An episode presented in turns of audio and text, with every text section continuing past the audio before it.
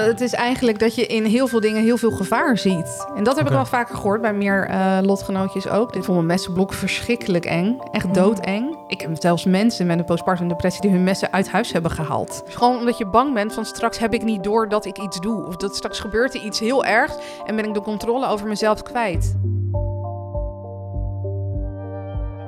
Deze keer gaan we in gesprek met Madeleine. En de eerste vraag die ik je wil stellen is... Wanneer ben je voor het laatst gek van jezelf geworden? Vorige week nog, toen had ik echt, eh, ik zat tegen een terugval. Toen werd ik echt gek van mezelf. Dat je gedachten niet meer kunnen stoppen en eh paniekaanvallen. Oh ja. Ja, En, en, en heb je dan paniekaanvallen in de zin van dat je eh, echt die paniekaanvallen die je helemaal uitwringen? Of is het dan meer een gevoel van spanning die heel de tijd door blijft gaan? Nee, het is echt een paniekaanval die uitwringt. Ja, Ja. nee, het is niet eh, een paniekaanval waarbij je even denkt van de muren komen op me af, maar het is echt gewoon De voel, eh, alle adrenaline, alles, hele- helemaal... Ja, continu. Ja, Oké, ja. Dat heftig. je- maar dat dat heb je... ja, dat je jezelf er niet meer uitkrijgt, zeg maar. Ja. En dat heb je dan meerdere keren per dag? Ja, dat heb ik dan meerdere keren op een dag. Ja. Heb jij dat eigenlijk wel eens ervaren? Nee, Nee, nog nooit een paniekaanval gehad. Gelukkig. Gelukkig, ja. Ja, ik kan je vertellen, ja. dat is geen pretje inderdaad. Nee, is het echt niet. Nee. Maar wel goed dat je hier zit dan trouwens. Ja, dat vind ik ook van mezelf. Als ik eerlijk mag zijn. Ja. Eh, maar eh, het is ook goed om er even uit te zijn. Ja. En om even wat eh, voor jezelf te doen. Weet je, dat voelt voor mij altijd wel eens een 1-0 voor. Voor Ja, mij. Ik kan me goed voorstellen. Ja. Eh, onze gast van deze podcast is dus Madeleine. Zij kreeg een depressie na haar bevalling, oftewel een postpartum depressie. Best een pittig onderwerp, maar we gaan ons best doen om er een mooie podcast van te maken. Voor de luisteraars is het misschien wel handig om te weten dat er een verschil is tussen PPD en PTSS.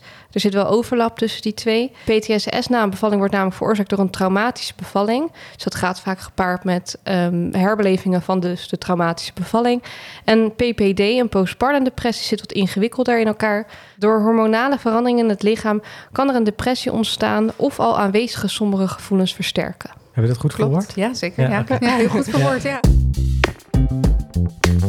We, we beginnen dus met een aantal stellingen. Deze stellingen hebben we voorgelegd aan ons online panel. Namelijk de volgers van het Instagram-account Vet Gezellig. Dit panel bestaat uit ongeveer 3000 mensen.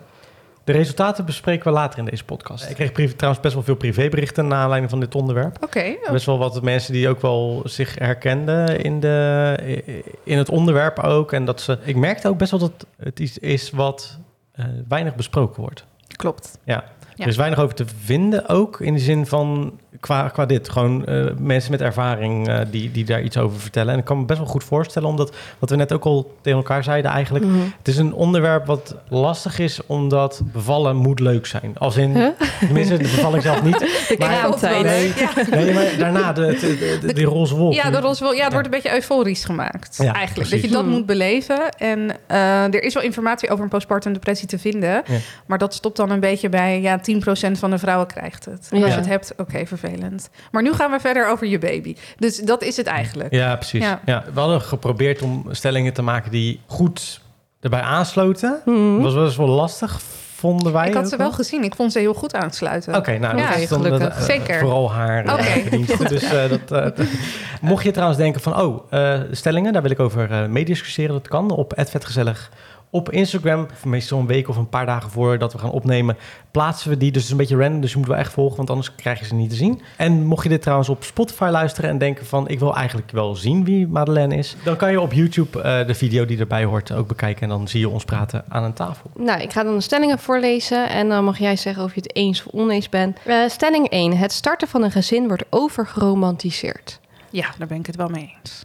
Ja. En waarom? Omdat eh, niemand je kan voorbereiden op de verantwoordelijkheid van het ouderschap. Hm. En eh, dat is gewoon best wel overweldigend. En eigenlijk van alle mensen in mijn omgeving die ouder zijn geworden, hoor ik wel van: oké, dit had ik niet verwacht. Of dit, dit had ik niet verwacht en dit is positief. Of dit had ik niet verwacht en dit valt me zwaar. Ja. Dus ik weet, ja, ik denk wel dat het wordt overgeromantiseerd. Ja, Ja. ja dat, Ja. dat denken wij ook. Wij hebben het Ja. best wel vaak erover. Mhm. Wij hebben dan geen kinderen. Hoe we het om ons heen zien, zien we altijd een ander beeld als dat mensen eigenlijk als ze er vaak terug aan denken over praten. Dus we zien inderdaad, ook het is best wel zwaar. Dus Ja. daarom hebben wij ook zoiets van, oké, we moeten wel echt, je moet je leven wel echt eraan. Het is niet Wijden waar- bijna ja, je, je doet het er niet bij. Nee, Nee, precies. Dat- precies. en dat wordt wel soms zo Ja. een beetje gezegd van, oké, weet je, het is alleen maar leuk en zo. Achteraf heb ik altijd het idee. Dus de mensen met terugwerkende kracht aan het kijken zijn naar hun leven met hun kinderen. Eh, maar ik zie wel eh, in de omgeving dat het wel echt zwaar is. En hoor ik, hoor ik dat ook wel. Ik denk dat ik dat als eh, tiener en zo wel anders. Dat ik altijd dacht van, oh, dat is gewoon leuk, weet je wel. Ja. Punt. Dat, dat is Hmm. het. Ik denk dat, dat mensen over het algemeen natuurlijk best wel positief zijn eh, tegen anderen over het ouderschap. Want ja, we laten sowieso niet graag de negatieve dingen zien. Ja, ik heb, maak het dus bijvoorbeeld van dichtbij eh, mee bij mijn zus. En dan zie ik van, oh, het is toch veel zwaarder dan ik dacht. Het houdt veel meer in dan, ik wil graag een gezin starten en dat gaat alleen maar mijn leven verrijken. Nee, ja, ik ben er nu wel achter gekomen nu ik het van dichtbij zie. Dat het pittig is.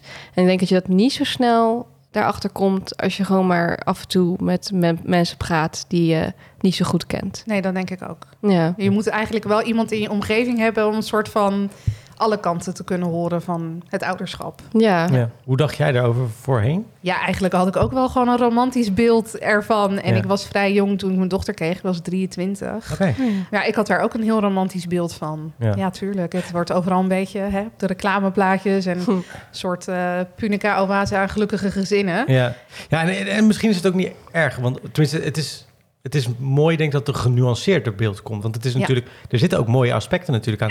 En je moet mensen ook niet afschrikken om kinderen te nemen, want dan hebben we daar op een gegeven moment alleen maar vergrijzing, Nee. weet je wel? Dat, is- nee, dat, weer- klopt. Maar het hele, de, de maatschappelijke druk op mensen die, dat er dan wordt verwacht dat je kinderen Mhm. krijgt. Ik vind dat dat wel, dat mag wel anders. Ja, ja, dat Ja. ben ik wel dat ben ik eens. Ja. Want het wordt ook best wel vaak, ja, wanneer ga je dan beginnen? En dan denk ik, Ja. oh ja. Wij zijn er wel redelijk duidelijk in naar onze omgeving, dat het voor ons op dit Nou, het moment... switcht nog wel eens. Ja, wij antwoord switcht de laatste weken, of, eh, jaren niet echt meer, hoor. Nee, maar er wordt best wel vaak gevraagd op zich van... eh, en wanneer eh, ga je aan kinderen beginnen? Ja, Maar ja, ja. dat geloof ik ook wel. Vooral als je een beetje richting de 30 gaat. Ja. Ja, dat is ook zo inderdaad. Zij wordt Ja. over een maand 30, dus dan is het Oh. allemaal... ja. ja. Nou, mijn beste vriendin die zegt altijd: Ik wil een groot gezin, maar geen kinderen. Dus Ah, vind ik een hele goeie. ja, dat is wel Ja, een goeie. ja. Ja, ja, precies. Ja. Ze zei: Het lijkt me heel gezellig, maar ik, Ja. wil, geen, ik wil geen kinderen. Hmm. Misschien dat ze er nog anders over denkt, Ah, maar. ja. Maar hoe oud is zij dan? eh, 31.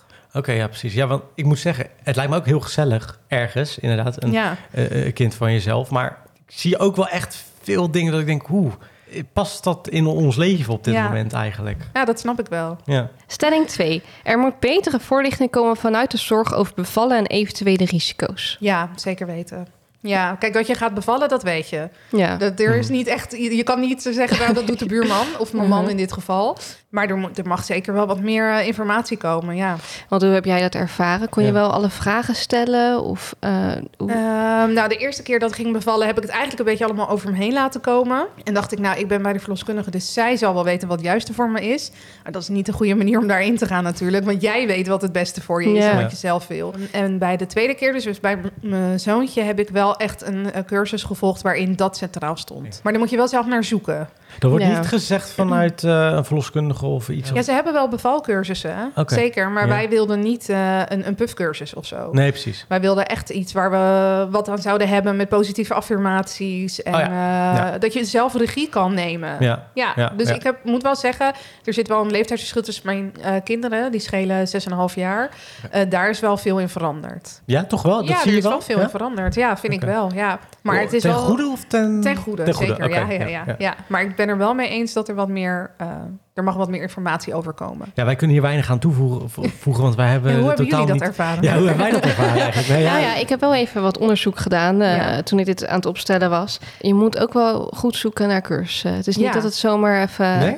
Hier en daar staat van je kunt dit doen, je kunt dat doen. Want je hebt bijvoorbeeld ook een, ehm een doula heet dat volgens mij. Ja, klopt. Ik had een cursus van een doula. En die kan je echt helemaal bijstaan. Ja, want dat, Ja. zag er wel, dat zag er wel mooi uit wat er allemaal gedaan kan worden. En dat is ook volgens mij echt tijdens bevalling om je rustig te houden. Ja, klopt. Ja, die kan je inhuren. Ja, Dat heb ik dan niet gedaan. Maar ik had wel een cursus bij een doula. En dat Mhm. vond ik echt wel heel fijn. Ja, En dat vond mijn man ook fijn Ja? om dat mee te krijgen. Ja, het was niet. Mannen worden een beetje als dom afgeschilderd tijdens de zwangerschap. Dat, dat is wel... eh, Ja? Eh, ja? ja? zeker. Ja, weet je, ja, hij staat erbij, kijkt ernaar. Kijk, mijn, mijn man kijkt dan geen voetbal, maar ja, oh, dan zit hij voetbal te kijken, weet je, dat soort domme Oh, dingen. ja, nee, ja, hij werd ja. er heel erg goed bij betrokken. Ja. Ja, ik vind het ook raar dat dat inderdaad een soort van het normale beeld is dat de man een soort van, eh, je ziet het maar hoe je het eh, ja, doet. of flauw vallen, of Ja. van die domme opmerkingen Ja, van, dat, nou, ja. eh, doe er maar een steekje bij, weet je wel, Ja. als het gaat over hechting, als je dat Oh, hebt. ja. Ja, dat is, ik vind dat zo, dat dat is heb echt... ik nog nooit gehoord. Ik, Nee, ik moest oh. hem even processen en nu denk ik, oh, oké, ja, en nu snap ik. Daar gaat het over. Nee, maar mannen worden een echt... steekje erbij of niet? Als je een hechting hebt, dat ze dan even iets dichter hechten. Even iets dichter. Hè? Oh, Ja, nou serieus hoor, er zijn echt... Dat eh, ja. wat, een, wat een opmerking. Ja, ik, moest, Ja. ik zat hem echt. Je was aan het doorpraten en ik dacht, ik moet dit even processen. Er precies even gezegd iets eh, landen, ja. Ja. Nee, maar mannen worden wel dom afgeschilderd, Ja. vind ik. Ja. Misschien vanuit een beeld komt wat van vroeger is, maar dat is natuurlijk te- tegenwoordig wel een stuk. Ja, echt wel aan het veranderen, denk ik ook gewoon. Ja, zeker. En eh, nee, er zijn ook gewoon eh, lesbische stellen die kinderen Oh, krijgen. ja. eh homostellen die kinderen krijgen, Ja. die ook een cursus willen volgen of iets. Dus Ja. ik merk wel dat daar gelukkig veel in is veranderd. Ja, dat is wel ja. fijn inderdaad, ja. Ja. Stelling nummer drie. Er heerst een taboe op psychisch leed na een bevalling. Ja, zeker. Ja, dat, dat, dat heerst er echt heel erg. Iedereen verwacht dat je blij bent. Mhm. Ehm, en je kan ook blij zijn, maar je kan ook heel diep gaan. Hoe is dat bij jou ten opzichte van de eerste en de tweede? Zag, je- is daar een heel groot verschil in geweest? Ja, ik heb bij de eerste geen postpartum depressie gehad. Nee. Nee, toen was ik gewoon moe van de gebroken nachten. Ja. Eh, en een beetje overdonderd van, oh jee, ik heb een baby. Eh, maar nu ben ik wel echt de diepte ingegaan. Ja. Maar ervaarde je bij de, eerste zwar- eh, bij de eerste bevalling, of na de eerste bevalling, wel een beetje dat gevoel van een roze wolk? Of... Niet helemaal. Mijn dochter heeft een schildklierafwijking. En die is Oh. na zes dagen na de geboorte is die geconstateerd. Dus we zaten eigenlijk meteen bij de spoedeisende hulp in Ja. het Oh, ziekenhuis. oké. Dus Nou ik heb ja. niet heel erg een roze wolk gehad als in de kraamweek was euforisch, Mhm. maar wel daarna. Ja. Oké. Dus eh, ondanks haar afwijking, dat is gewoon met medicatie, is dat, eh, krijgt ze elke dag, is dat goed te doen. Oké. Ik heb daarna wel een fijn gevoel gehad. Ja, zeker. Oké. Ja. Dus dan merkte je ook wel dat de tweede keer dat het gewoon mis was. Ja, zeker. Ja, waarbij ik de, de tweede keer dus een hele fijne kraamweek had. En niet Mhm. met ziekenhuizen en dingen. Ik dacht, oh, dit oh, is het. Ik had echt een fantastische kraamweek. Ja. En de kraamzorg was de deur uit en eh, ik viel een gat. Gelijk al dan? Echt, Ja, eh, meteen. joh, ja, echt. Ja, Oké. ja. Hoe moet ik dat dan zien? Is het dan gelijk, eh, je wil niks meer? Of... Nee, je, je on- ontkent het eerst heel erg. Oké. Omdat je denkt, het hoort bij de hormonen. Je bent net bevallen. Weet je, het wordt door heel veel mensen ook een beetje toegedekt. Hè? Je bent net bevallen, doe rustig aan. Je, moet, eh, je bent druk. eh, je hebt net weer een baby erbij.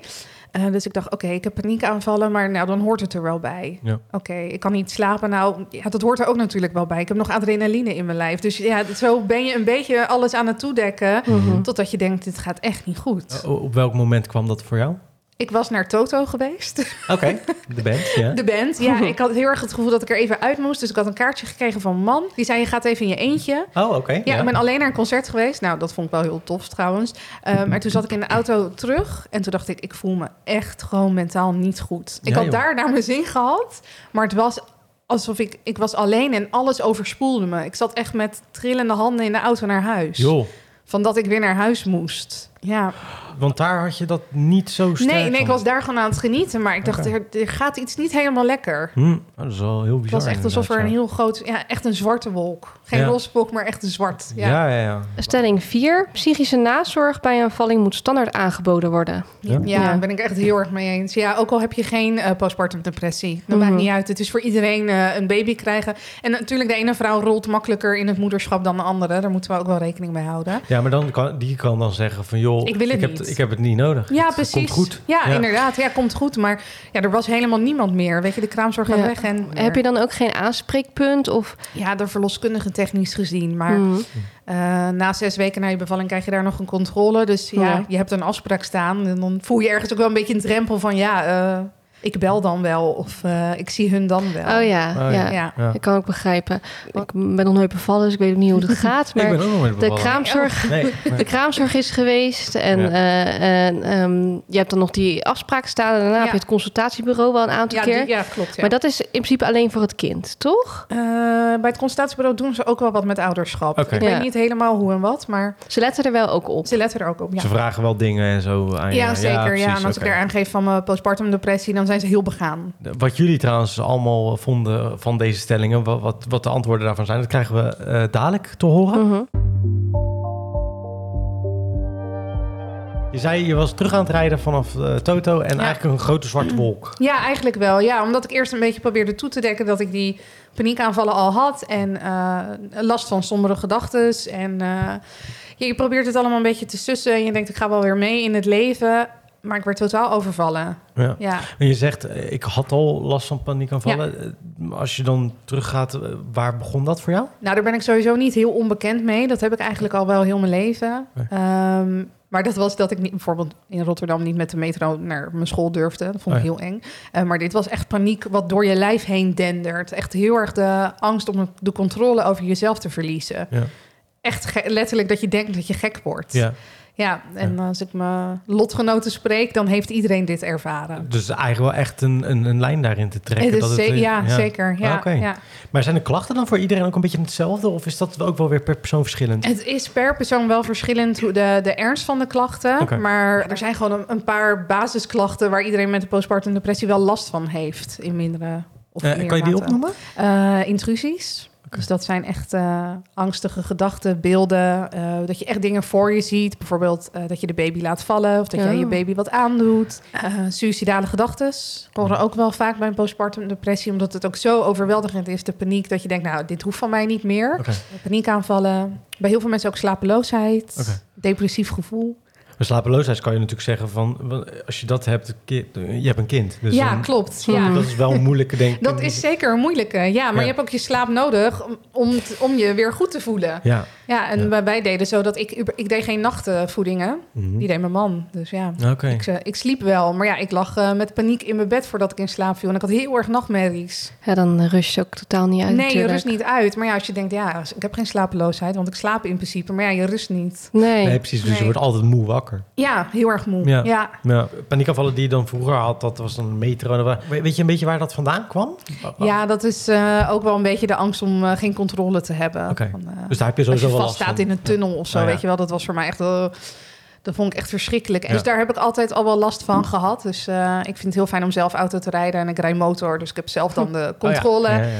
Dat vind ik heel erg eh, prettig. Ja. Maar dat is wel echt iets heel anders dan... eh, ja, Ja, dan want we merkten, we- dacht je in het begin misschien ook van... oké, ik heb paniekaanvallen, heeft dat daarmee te maken? Of had je wel gelijk zoiets van... oké, nee, dit, is wel echt iets Nee, het anders? was meteen anders. Oké, Ja, het, het voelde ook heel anders. Zo'n paniekaanval nu in mijn, de- in mijn postpartum depressie voelt ook echt niet hetzelfde Nee? als... eh, nee joh, nee. kan, kan, kan je dat omschrijven wat dan daar vers- precies het verschil in is? Ja, bij een normale, een normale paniekaanval Ja, ja, ja. was ik altijd bang Ik reguliere ergens- een ja. gewoon, hè, iedereen is wel was ik gewoon altijd bang dat ik niet eh, uit een ruimte kon komen. Misschien een beetje een soort claustrofobisch Ja, gevoel. ja. Ja, ja. Ik vond de bios ook altijd heel eng, omdat ik dacht, ja, als, er, als ik ziek word, dat was mijn grootste angst om over te geven, Oh ja. dan kan ik niet weg. Een paniekaanval nu in mijn postpartum depressie is echt letterlijk dat het, nou, ik heb zelf helemaal tintelende handen, voeten, Oh eh, warmte over mijn rug heen. Echt het gevoel dat ik machteloos ben. Dus niet van ik wil de deur uit, maar echt gewoon ik wil dit leven nu niet. Wat had dit voor een effect dan op de verzorging van eh, je kinderen? Nou, daar heb ik dus een hele goede band mee met mijn zoontje ook. Oké. Want bij een postpartum depressie denken heel veel mensen... eh, ik weet niet of jullie De Gelukkige Huisvrouw hebben gelezen van Helene van Rooyen. Gezien volgens mij de film. Ja, kan ook. Ja. Ja. dat, zij had dat ook. Dus dat je je kind niet wil. Nee, precies. Maar dat heb ik geen seconde gevoeld. Ik hou echt ontzettend veel van mijn zoontje. Ja. Al van het moment dat hij bij me lag. Maar ik was gewoon bang. Bang eigenlijk voor mezelf meer. Ja, dat Ja. je echt eh, niet in staat was om de zorg... Ja, zeker. Ja, nou, dan moet ik ook zeggen dat, het, dat ik ook wel echt weken mijn schoonmoeder in huis heb gehad. Oh, ja. Die was vorige week ook nog. Ja, ja, ja. Eh, gewoon om ons te helpen. Ja. Dat is wel prettig dat het kan. Ja, want je moet wel echt op je netwerk terug kunnen vallen. Dus je moet ook wel een netwerk hebben eigenlijk.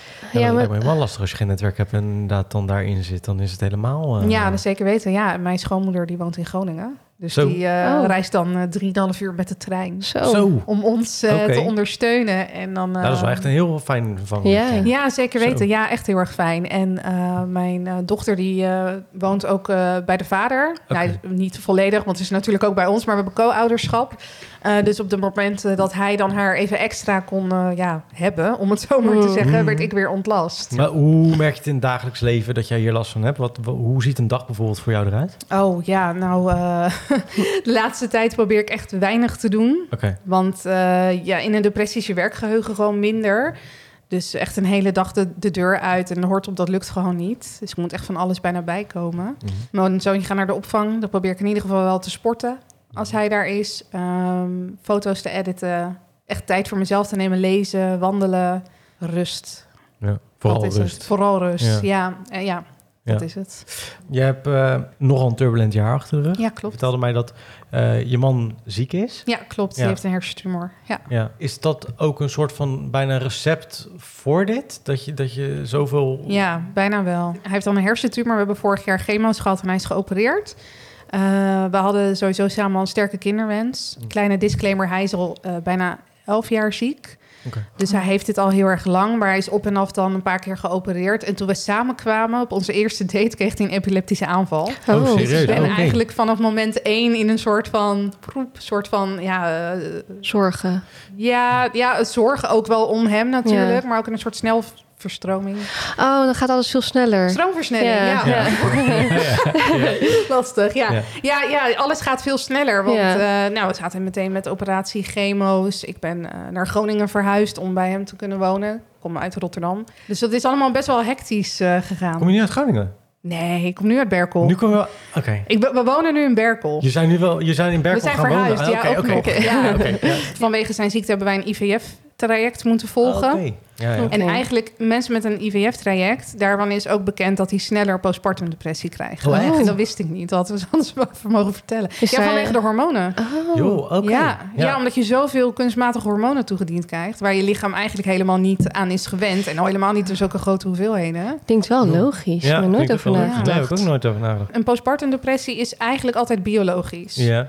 Dus heeft met hormonen te maken. Alleen er zit wel altijd iets onder. Leed, trauma. Dus wat dat je het zegt, dan extra aanwakkert? Ja, zeker. Ja, ja, ja. ik weet nog wel dat wij in de kraamweek... dat mijn man tegen me zei van... eh, nu hebben we een baby. Hmm. Nu is die er echt. Mm. En eh, van ja, wat nou als ik er niet meer ben? Nou, en dat hij dat tegen me zei. Nou, ik heb echt... Ik heb de hele Oeh. avond liggen huilen Ja, ik kan me daardoor. voorstellen. Ik heb me Ja, begrepen. ja. Dat is ook wel een moeilijk besef, denk ik. Als, zeker ja, maar voor net- hem was dat ook eh, Ja, ja, ineens dat heel kwetsbaar. Ja, ja, ja, dat begrijp ik. Ja, ja. Eigenlijk heb jij een soort van cocktail gekregen van... En, Nou, eh, En gecreëerd ook. Ja, gecreëerd? Hoe, hoezo? ja nee, omdat we ook zijn verhuisd. Dus we hadden en chemo In en dezelfde ICSI periode? en een verhuizing. Ja, ah, ja. zo. Ja. Dat is wel heel heftig. ja, het was echt heel heftig. Ja. Want hoe lang geleden is het nu dat je bevallen bent? Juni, vijf maanden. Morgen is Vijf vijf, vijf maanden. Ja. Oké, oké. Dus hoe lang staat er voor zoiets? Is dat voor, voor een postpartum depressie? Is dat...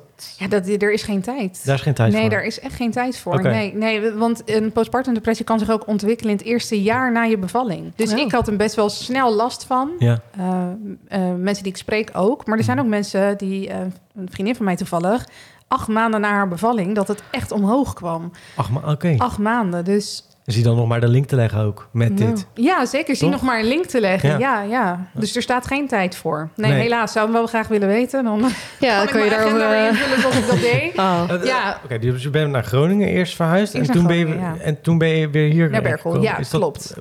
Is daar, was daar een reden voor? Of? Ja, mijn dochter, die, eh, de- haar school zit in Rotterdam. Dus als ze dan in Groningen was, ik kon haar nooit naar school brengen. En we waren in, eh, in de weekenden dan, was ze lange weekenden bij ons. Mhm. Was ik alleen maar auto aan het rijden. Dus het is meer een, een praktische overweging dat je ja, dat zeker. En ik kom zelf gewoon uit de, de omgeving. Dus Ja. ik miste me thuis. Me Ja, voorstellen. Groningen is echt emigreren hoor. Ja? Ja, zeker. Ja, als je als Rotterdammer in Groningen terechtkomt, kan je vertellen. Dat is echt... Dat is wel echt eh, een cultuurshock. Ja, zeker. Ja, voor hun ook hoor. Ja? Ja, om mijn werk toen in Groningen, dat was echt...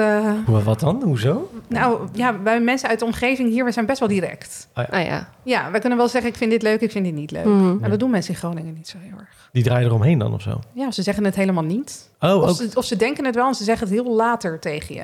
Dat had ik tenminste daar op mijn werk. Ja, zo. ja. ja, precies. Dus de- ja, ik snap het wel. Lijkt me lastig wel. Dat lijkt me eh, heel Echt lastig. lastig. Zo, ja, ja. omdat ik dan meteen zeg, ja, eh, ik vind dit en dat Mhm. moet anders. En dan zijn zij heel erg van geschokt. Andersom krijg je iets heel laat misschien pas te horen. Dat je denkt, ja, het had eerder gezegd. Je zegt, je zegt werk. Werk je op dit moment ook? Nee, ik, ben nu, ik zit nu in de ziektewet. Is het nu een ziektewet? Ja. Wat voor werk doe je? Bewindvoerder. Bewindvoerder. Ja, bewindvoerder en daarnaast boudoirfotografen. Interessant. Dus je bent creatief bezig en je Ja. bent ook eh, mensen aan het helpen eigenlijk. Mensen aan het helpen, ja, zeker, ja. Om eh, bewindvoering, dan neem ik aan dat je eh, mensen financieel eigenlijk die in schulden zitten of... of of- Schulden, maar ook mensen die helemaal geen schulden hebben. Mensen met niet aangeboren hersenletsel. Oké. Dus die dan heel veel geld krijgen van bijvoorbeeld een ongeluk. Maar ook mensen die het gewoon echt nodig hebben. Ehm gehandicapten. Ja. Mensen die blind zijn, kunnen ook niet echt... eh, Ja, ja, ja. Vaak niet hun eigen financiën doen. Het is een hele brede doelgroep, maar ook mensen met schulden. En dan doe jij eigenlijk mensen hun... eh, Al hun financiële belangen. Dat is echt dat, dat is van wat er op je pinpas staat. Tot eh, je huur, eh, alle dingen bijvoorbeeld met toeslagen, ook met alles wat in het nieuws geweest is met de toeslagenaffaire. Ja, ja. oké. Ben je nog naar werk toe gegaan? Nee. Nee, hè? Dat Nee. was al gelijk dan... Ja, ja dat, eh, daar had ik wel een mooi gesprek over met de bedrijfsarts. Die zei, ja, de emotionele eh, druk nu... Hm. van alles van mijn cliënten, dat, ja, ik neem het niet echt mee naar huis, maar het is best wel zwaar. Maar ik moet eerst maar mezelf even staande te zien houden. Ja. En dan Ja. komt daarna dat erbij. Maar merkte je dat ze het vrij serieus ook namen gelijk? Want dat is natuurlijk ook nog wel... Op mijn werk? Ja, Ja, ja, ja, oké. ja zeker. Dus daar voel je wel gesteund in en dat is wel goed. Ja, vooral met de bedrijfsarts. Ja, Ja, ik was echt bang dat toen ik de arts zou spreken, dat ik dacht, oh, ik heb, en ik heb een man. En die gaat niet begrijpen wat ik heb. Nou, ik heb een vrouw en ze snapt precies wat ik heb. Dus dat is heel erg fijn. Ja, precies. Want dat kan natuurlijk best wel moeilijk zijn, denk ik ook met zoiets. Omdat mensen moeten het ook serieus nemen. En als het op, op je werk al zeggen van, nou ja... hm. Nou, wat ik wel merk is dat mensen die eh, bijvoorbeeld op mijn social media kijken, dat ze dan een, een, een eigen beeld maken van wat ik heb. Omdat ik juist nog wel, ik haal heel veel energie uit mijn fotografie en creatief Mhm. bezig zijn. Ik vind dat heerlijk. Ehm, ik vind het echt fantastisch om onder een dekentje op de bank foto's te gaan zitten editen. Mhm. Maar ik vind het heel erg moeilijk om naar de Albert Heijn te gaan. Ik word helemaal gek van alle prikkels. Ik heb heel veel last van prikkelverwerking, zeg Ja, maar. ja. Maar ja, als ik dan met mijn dochter naar de speeltuin ben om iets leuk te doen... eh, ja, dan zijn er toch wel mensen geweest die zeiden... ja, Madeleine kan niet werken, maar ze doet wel wat leuks. Ja, Hmm, precies. snap je? Mensen snappen dat sowieso niet zo nee, goed, hè? dat, nee, zeker Nee. niet. En ik heb een, eh, eh, een groot Instagram-account... en daar schrijf ik over auto's en motoren. Dat is echt mijn hobby. Ja. Die heb ik op dit moment even gedeactiveerd. Ik voelde daar best wel veel druk van. Snap ik Want wel. Je ziet allemaal mensen allemaal leuke dingen doen en Mhm. events. En ja, eh, ik, eh, ik zit bij de crisisdienst. Ook leuk, ja. Ja, ja. Nou, dat lijkt me wel lastig inderdaad. Want je, ergens kan je sommige dingen wel. En dan kan je jezelf ook soms misschien denken... dat heb ik wel eens gehad. Dat ik dacht van ja, dit lukt me dan wel. Maar dan lukt dat me niet. Waarom? Ja, zeker. Ook echt een soort van boos op mezelf, Ja, hoor. precies. Zeker weten. En ik ben altijd heel bezig mens geweest. Dan ging ik werken, sporten, hobby's, eh, gezin, vriendinnen, motorrijden, best wel sociaal. En nu, ik, ik leer een hele andere kant van mezelf kennen. Die niet tegen prikkels kan en boodschappen verschrikkelijk vindt. Een gesprek met meerdere mensen. Ik was op een verjaardag van mijn vader. Nou, dat had ik echt niet moeten doen. Ik Nee. ben daarna helemaal onderuit gegaan. Gewoon zoveel dingen om je heen ineens. Je leert echt andere dingen kennen. Ja. Ja. Ja, ik ben zelf natuurlijk autistisch. Ja. Ik weet hoe Ja. het is Ja. om eh, het energie voor een één ding te hebben... en voor Ja. een ander ding echt totaal niet. Nee, maar dat was voor mij wel echt Ja. wennen. Maar dat is ook wel, ik zie ook wel online, eh, dat wordt dan ook heel vaak uitgelegd. Dat, eh, wanneer je ja, je leven deelt, een soort van op social media, krijg je natuurlijk altijd te maken met meningen. Eh, maar ja, waarom kan je inderdaad niet gewoon boodschappen gaan doen? Of Ja. heb je hulp in de huishouding eh, nodig? Maar kan je wel, eh, weet ik veel, drie uur lang eh, um, fotografie met je fotografie bezig zijn? Ja, het is een heel andere soort activiteit. Ja, maar mensen snappen dat echt niet. Nee, nee. En dat zijn dan mensen die dit zelf niet hebben gehad. Dus Mhm. bijvoorbeeld eh, geen eh, autisme hebben of geen paniekaanvallen of geen Mhm. depressie. ja. En dan dat is makkelijk invullen hè, voor een ander. Houdt het je een beetje tegen om bepaalde dingen te delen? Het heeft me zeker wel tegengehouden. Ja, vooral omdat ik echt mijn fotografie zo erg heb ontdekt. Ja. En ik word er zo gelukkig van dat ik echt uh, ja, s'avonds in bed lag en uh, tegen mijn man zei van ja, ik weet het niet. Moet ik dan nu wel daar Ja. wel uh, dingen in gaan doen? Moet ik het wel delen? Maar ik heb besloten me daar niet meer ter, tegen te laten houden. Want het is niet mijn taak om heel de wereld te overtuigen van mijn depressie. Nee, nee, zeker de mensen niet. om me heen weten het. En ook gewoon heel ook- vermoeiend dat om heel dat te doen. toch? Ja. dat is super gaan- vermoeiend. Maar dat dacht ik eerst wel. Ik moet aan iedereen een soort van bewijzen dat ik depressief ben. Ja. Ja. Ja. dat hoef ik helemaal niet. En dat iemand er geen begrip voor heeft, dan moet je vooral niet om mijn social media gaan kijken. Heb je het idee dat het golvende bewegingen Ja, zijn? golvend. Ja. ja, het zijn echt hele goede weken geweest. Ik heb zelfs nog een hele dag motor gereden, een paar weken geleden. Nou, toen voelde ik me echt on top of the world. Ja. Moest er drie dagen van bijkomen, maar dat Ja. maakt niet uit. Ik heb Ja. echt leuke dingen gedaan. Ehm, maar er zijn ook hele slechte dagen geweest. Vorige week ging ik weer aan de lijn met de crisisdienst, omdat ik het echt niet meer zag zitten. Neem ons Mhm. eens mee dan naar vorige week. Wat, Ja. wat, wat gebeurt er dan? Wat... En nou, dan, eh, dan komen echt de suïcidale gedachten. Oké. Ja, dan is het echt eh, uitzichtloos. Dat is het vooral. Ja. Ja. En dan word ik wakker met paniek. Ik besta uit paniek. Ik heb alleen maar intrusies. Dus echt hele verschrikkelijke beelden heel de dag in mijn hoofd. En ik krijg het niet meer. Ik krijg mezelf niet meer gekalmeerd. En dan ben je op. En trek je dan een alarmbellen? Ja, zeker. Ja? Ja, ik trek snel aan de bel. Ja, Oké, dat is wel goed. ja dus dan eh, is het meteen. eh, eh, mijn man werkt thuis. Mijn schoonmoeder komt overgevlogen, soort van. Ik, ik bel Bijna, bijna wel Ja, trouwens. bijna Ja. wel. ik bel de crisisdienst. Ik, ik, eh, ik bel met hun. eh, in principe is bij mij nu afgesloten. Oké. Oké. Maar ik kan ze altijd bellen. Maar waarom is het afgesloten? Want uiteindelijk ben je er niet uit nog, toch? Nee, maar de crisisdienst sluit af omdat er geen crisis meer is. Dus de, het begin van de depressie, ja, daar zijn we nu aan voorbij, want ik ben er vijf minuten in. Vijf, Vijf minuten, vijf, vijf, maanden, ja, ja. Nou, het zou wel lekker zijn als het vijf... eh, vijf. Nee, vijf maanden in. Ja. Dan, dan ze sluiten dat gewoon af. Maar ja. heb je dan nog wel behandeling ergens anders? Ja, ik heb zelf wel therapie. Ja, ik heb heel veel ja. geluk gehad dat ik eigenlijk al bij een psycholoog liep Hmm. Vanwege mijn nachtmerries. Maar ja, mensen die ik ken, die, die staan nu nog maanden op de wachtlijst. Joh. Ja. Ja. Ah, Dus ik kon eigenlijk meteen door. Ik kon bellen en zeggen hoi. Eh, dat is wel Zo. fijn, ja. Ja. merk je dat die golfbewegingen al iets eh, langer beginnen te, te rekken? Of is dat nog ik niet merk echt dat ik sneller opkrabbel. Toch wel? Ja, Oké. Oké. dat wel. Dus, dus, dus er zit een klein beetje... Er zit een stijgende lijn in. Alleen ehm, iemand die ik sprak die het ook heeft gehad, ze zei eh, dat het een rollercoaster is. Waarbij je zelf alleen maar denkt dat je op en down gaat. Hmm. Maar als je uitzoomt, Ja. zie je eigenlijk wel dat er verbetering in zit. Ja. Ja. Wat zou je mensen meegeven die dit zien en denken van... Is, is er iets wat je zou kunnen doen bijvoorbeeld? Dat je denkt van, dat heb ik misschien net niet handig gedaan... waardoor dit misschien eerder opspeelt? Al- Mensen die zelf een kind krijgen of Ja. mensen om je Ja, en heen. de bang hier misschien voor zijn. Geef vooral aan dat je er bang voor bent. Oké. Ja, dat zou ik zeker doen. Ja. laat eh, je hulpverleners en zorgverleners om je heen weten dat je daar bang voor bent. Want dan kan het juiste gebeuren. Ik ben zelf echt eh, bij de afspraak bij de verloskundige ben ik echt onderuit gegaan. Want het- ik trok het gewoon niet meer. En toen is alles gestart. Eh, de Ja. crisisdienst, eh.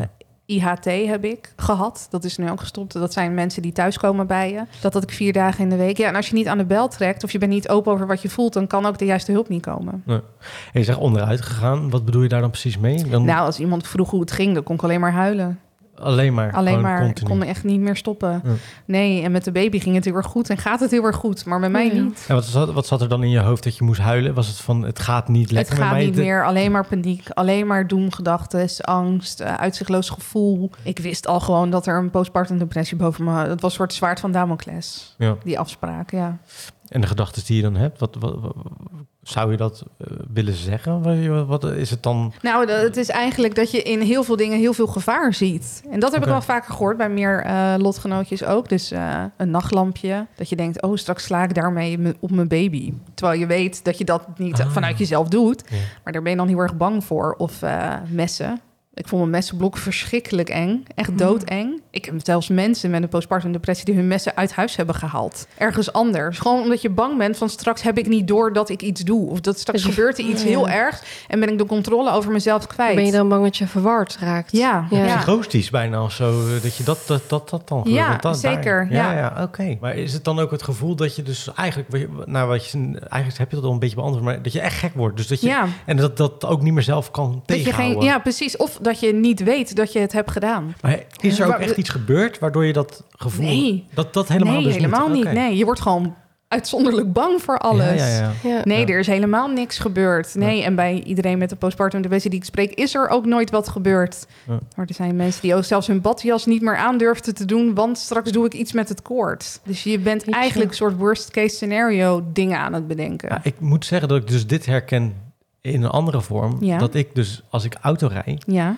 eh, bang ben dat ik ineens tegen de muur rijd. Dat ik ineens ja. de, dat. stuur omgooi. Maar dat is. Dat, is een intrusie. Ja. Ah, Oké, Ja. nou dan kan ik me wel op zich in vinden, want dat heb ik dus met autorijden. ja, maar dat, daar- dat gevoel. en dan schrik je ook van het gedachte Tuurlijk, dat je schrikt onwijs van je- jezelf. Ja, En- ja, en die- schrikreactie, maar dan 24-7. Dat is een, een laag van een postpartum depressie. Ja, en dat Ja. is dodelijk vermoeiend. ja. ja, dat heb ik dus gehad in mijn angstperiodes. Ja, nou, dan, ja, dan weet je dus hoe het dat is- voelt. Ja, dus ik snap hoe dat voelt inderdaad. En dat is moeilijk. Dat is heel moeilijk om uit te komen. Ja, want dat is heel het is een continue cirkel waar je heel de tijd maar in blijft gaan. En, je kan het wel tegen jezelf zeggen van... ja, maar dat is nu op dit moment niet gaande. Maar Nee. dan is er altijd een stem die zegt van... ja, maar misschien heb ik het mis. ja, precies. Toch? En dat stemmetje, dat, is echt, dat is echt vreselijk. Ja. En ik had er nog nooit eerder last van gehad. Niet Nee. ook bij je angstgedachten in de, in de metro bijvoorbeeld en zo?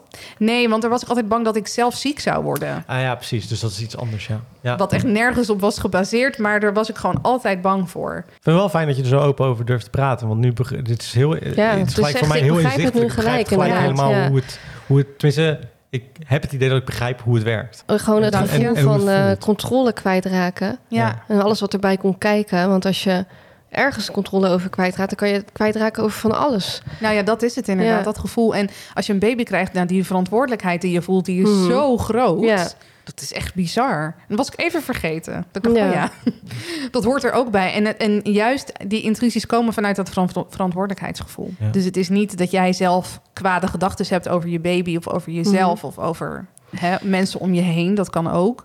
Het komt voort uit bescherming, verantwoordelijkheid, uit eh, juist dat gevaar in dingen zien waar je er no- normaal nooit in zou zien. Ja. Omdat je eh, een, eh, een kwetsbaarheid erbij hebt. Ja, ergens denk ik ook wel dat je als je er ehm, op je nuchtere Rotterdamse blik naar zou kijken, zou je denken van ja, ik zal nooit een mes ineens uit de blok halen en er iets mee doen. Nee, maar, eh, Maar je depressie die eh, zegt Die- wat anders. Die zegt het wat anders. Ja. Dus als je, het is heel moeilijk om dat te scheiden ook van ja, elkaar. dat is niet te doen. Nee. Nee. nee, En dat is wel echt een kenmerk van een postpartum depressie. Want dat heeft iedereen gehad die ik spreek die dit Ja. heeft. Ja. Ja. wel bizar trouwens dat dat dan toch met een bepaald soort stoffen v- vaak werkt. Dus eh, met, met hormonen. Ja. eh, Dat, dat de een daar dan last van kan krijgen en, En de ander niet. Ja, dat is het gewoon. Merk jij bijvoorbeeld eh, de mensen waar je er mee over praat, die dan hetzelfde ervaren, dat ook er altijd wel iets onder ligt? Dus er altijd wel iets speelt bij diegene? Of hoeft dat niet per Kan se? het ook uit het niets kan komen? het niets kan komen? ook zeker uit het niet Oké, toch wel. Oké. Ja. Ja, wij, hadden, ik, wij hadden gewoon een heel druk jaar. Ja. Waarin ik dacht, ik Mm. kan ook wel even verhuizen. We kunnen ook wel even chemo doen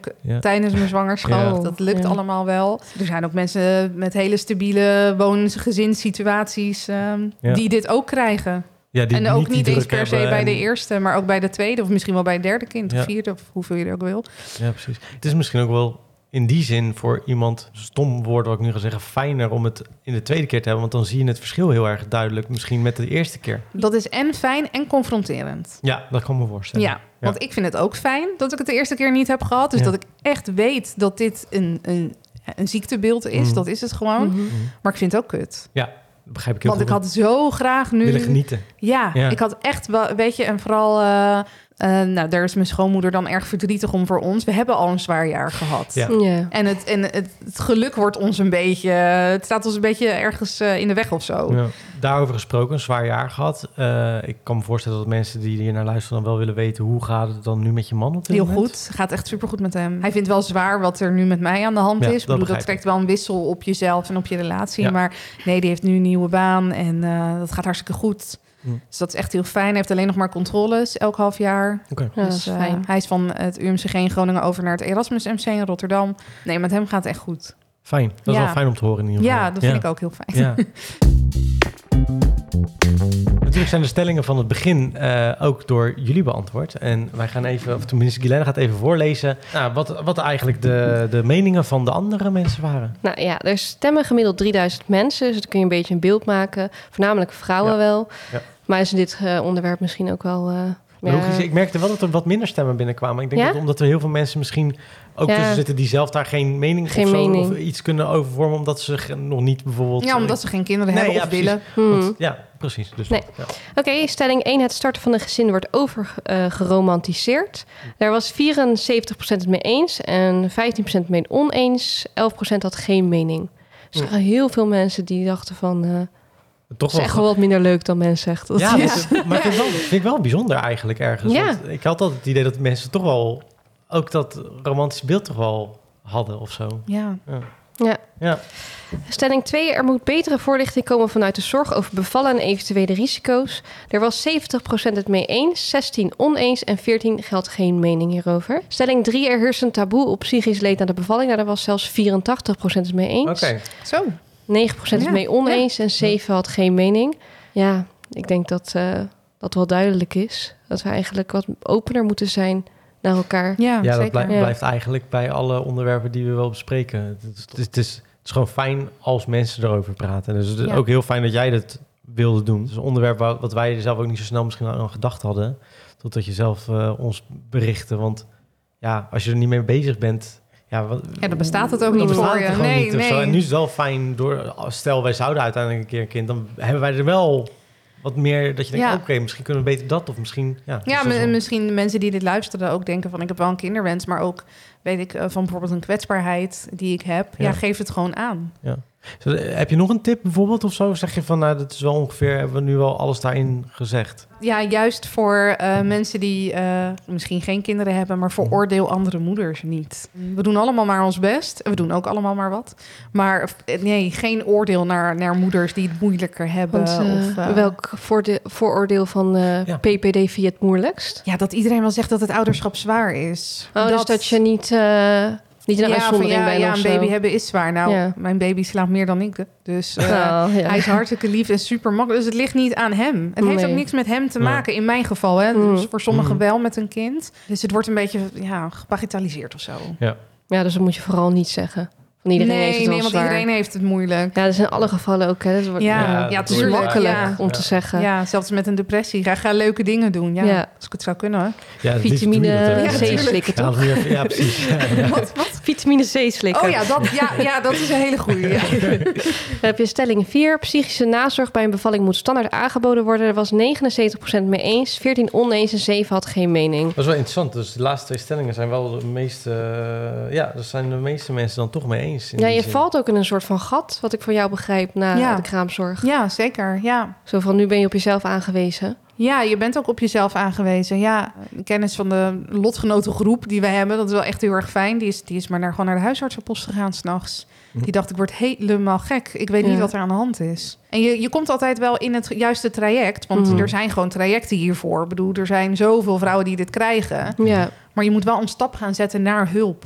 Want het is 10% die eh, dan echt zoiets Ja. als PTSS of PPD. PPD, ja. Maar uiteindelijk is het een veel Ik geloof dat groter... veel eh, meer is. Ja, ja. Ja, Ja?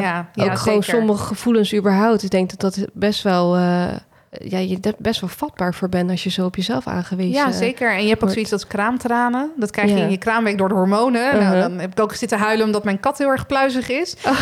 Maar ja, dan heb ik ook heel erg zitten huilen omdat wat eh, Rico heet, die wat hij dan zei. Weet je, ze zeggen, ja, het hoort er wel een beetje bij. Mm. Somber zijn. Maar ja, weet je, als jij intrusies eh, hebt, eh, dat hoort er niet bij. Dus Nee. neem dat ook gewoon serieus. Ja, ja, en daar is die betere voorlichting wel fijn voor. Dat je gewoon weet, dit hoort er een beetje Ja. bij. En hier moet je eigenlijk aan de bel trekken Ja, als je dit klopt. ervaart. Ja, en de, Ja. en de openheid daarin is denk ik ook gewoon heel goed. Ja, dat is het allerbelangrijkste. En ik ben een makkelijke prater. Ja. Mm. Dus ik, ik voel daar geen eh, grens, zeg maar. Ik heb daar ook geen drempel, bedoel ik. Ik Geen voel daar geen schaamte drempel. ook, nee, eh. ook geen schaamte. Nee, dit is wat het is. Ja, Eh, zo voel ik me. En ik heb gelukkig ook mensen in mijn omgeving die zelf ook te maken hebben gehad met eh, mentale problemen. Wat ik zei, Ja. mijn zus heeft twee keer dit gehad. ja. Dus ik had meteen iemand om mee te kunnen praten.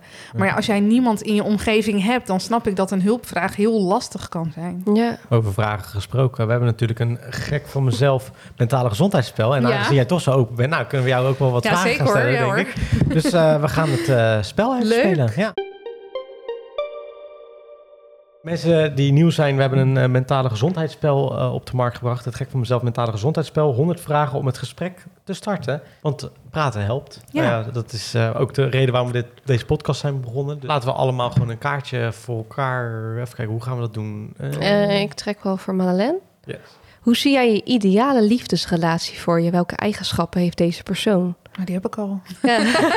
Ja, heel zoet, maar eh, dat, die heb ik al. Eh, hij staat altijd voor me klaar, open. Eh, ik vind het heel belangrijk om lekker gek met elkaar te kunnen doen. Ja. Dat is echt het belangrijkste. Ja. Ja. Lekker een beetje humor en... eh, Humor, maar ook gewoon kinderlijk zijn. Weet Ja? je wel? Ja, we hebben echt debiele verhalen over onze Noorse boskat. Slaat helemaal nergens op. Maar ik geniet er echt van. En hij laat me echt mezelf zijn. Ja. Dus met mijn fotografie echt... eh, hij geeft me alle ruimte. Vinden wij ook, hè? Ja, vind ik Ja. ook. Ja, ja, staan wij precies, precies hetzelfde. Freke wel. heeft ook hele avonturen. Ja, oh heerlijk. Ook hou er echt van. Ja. ja.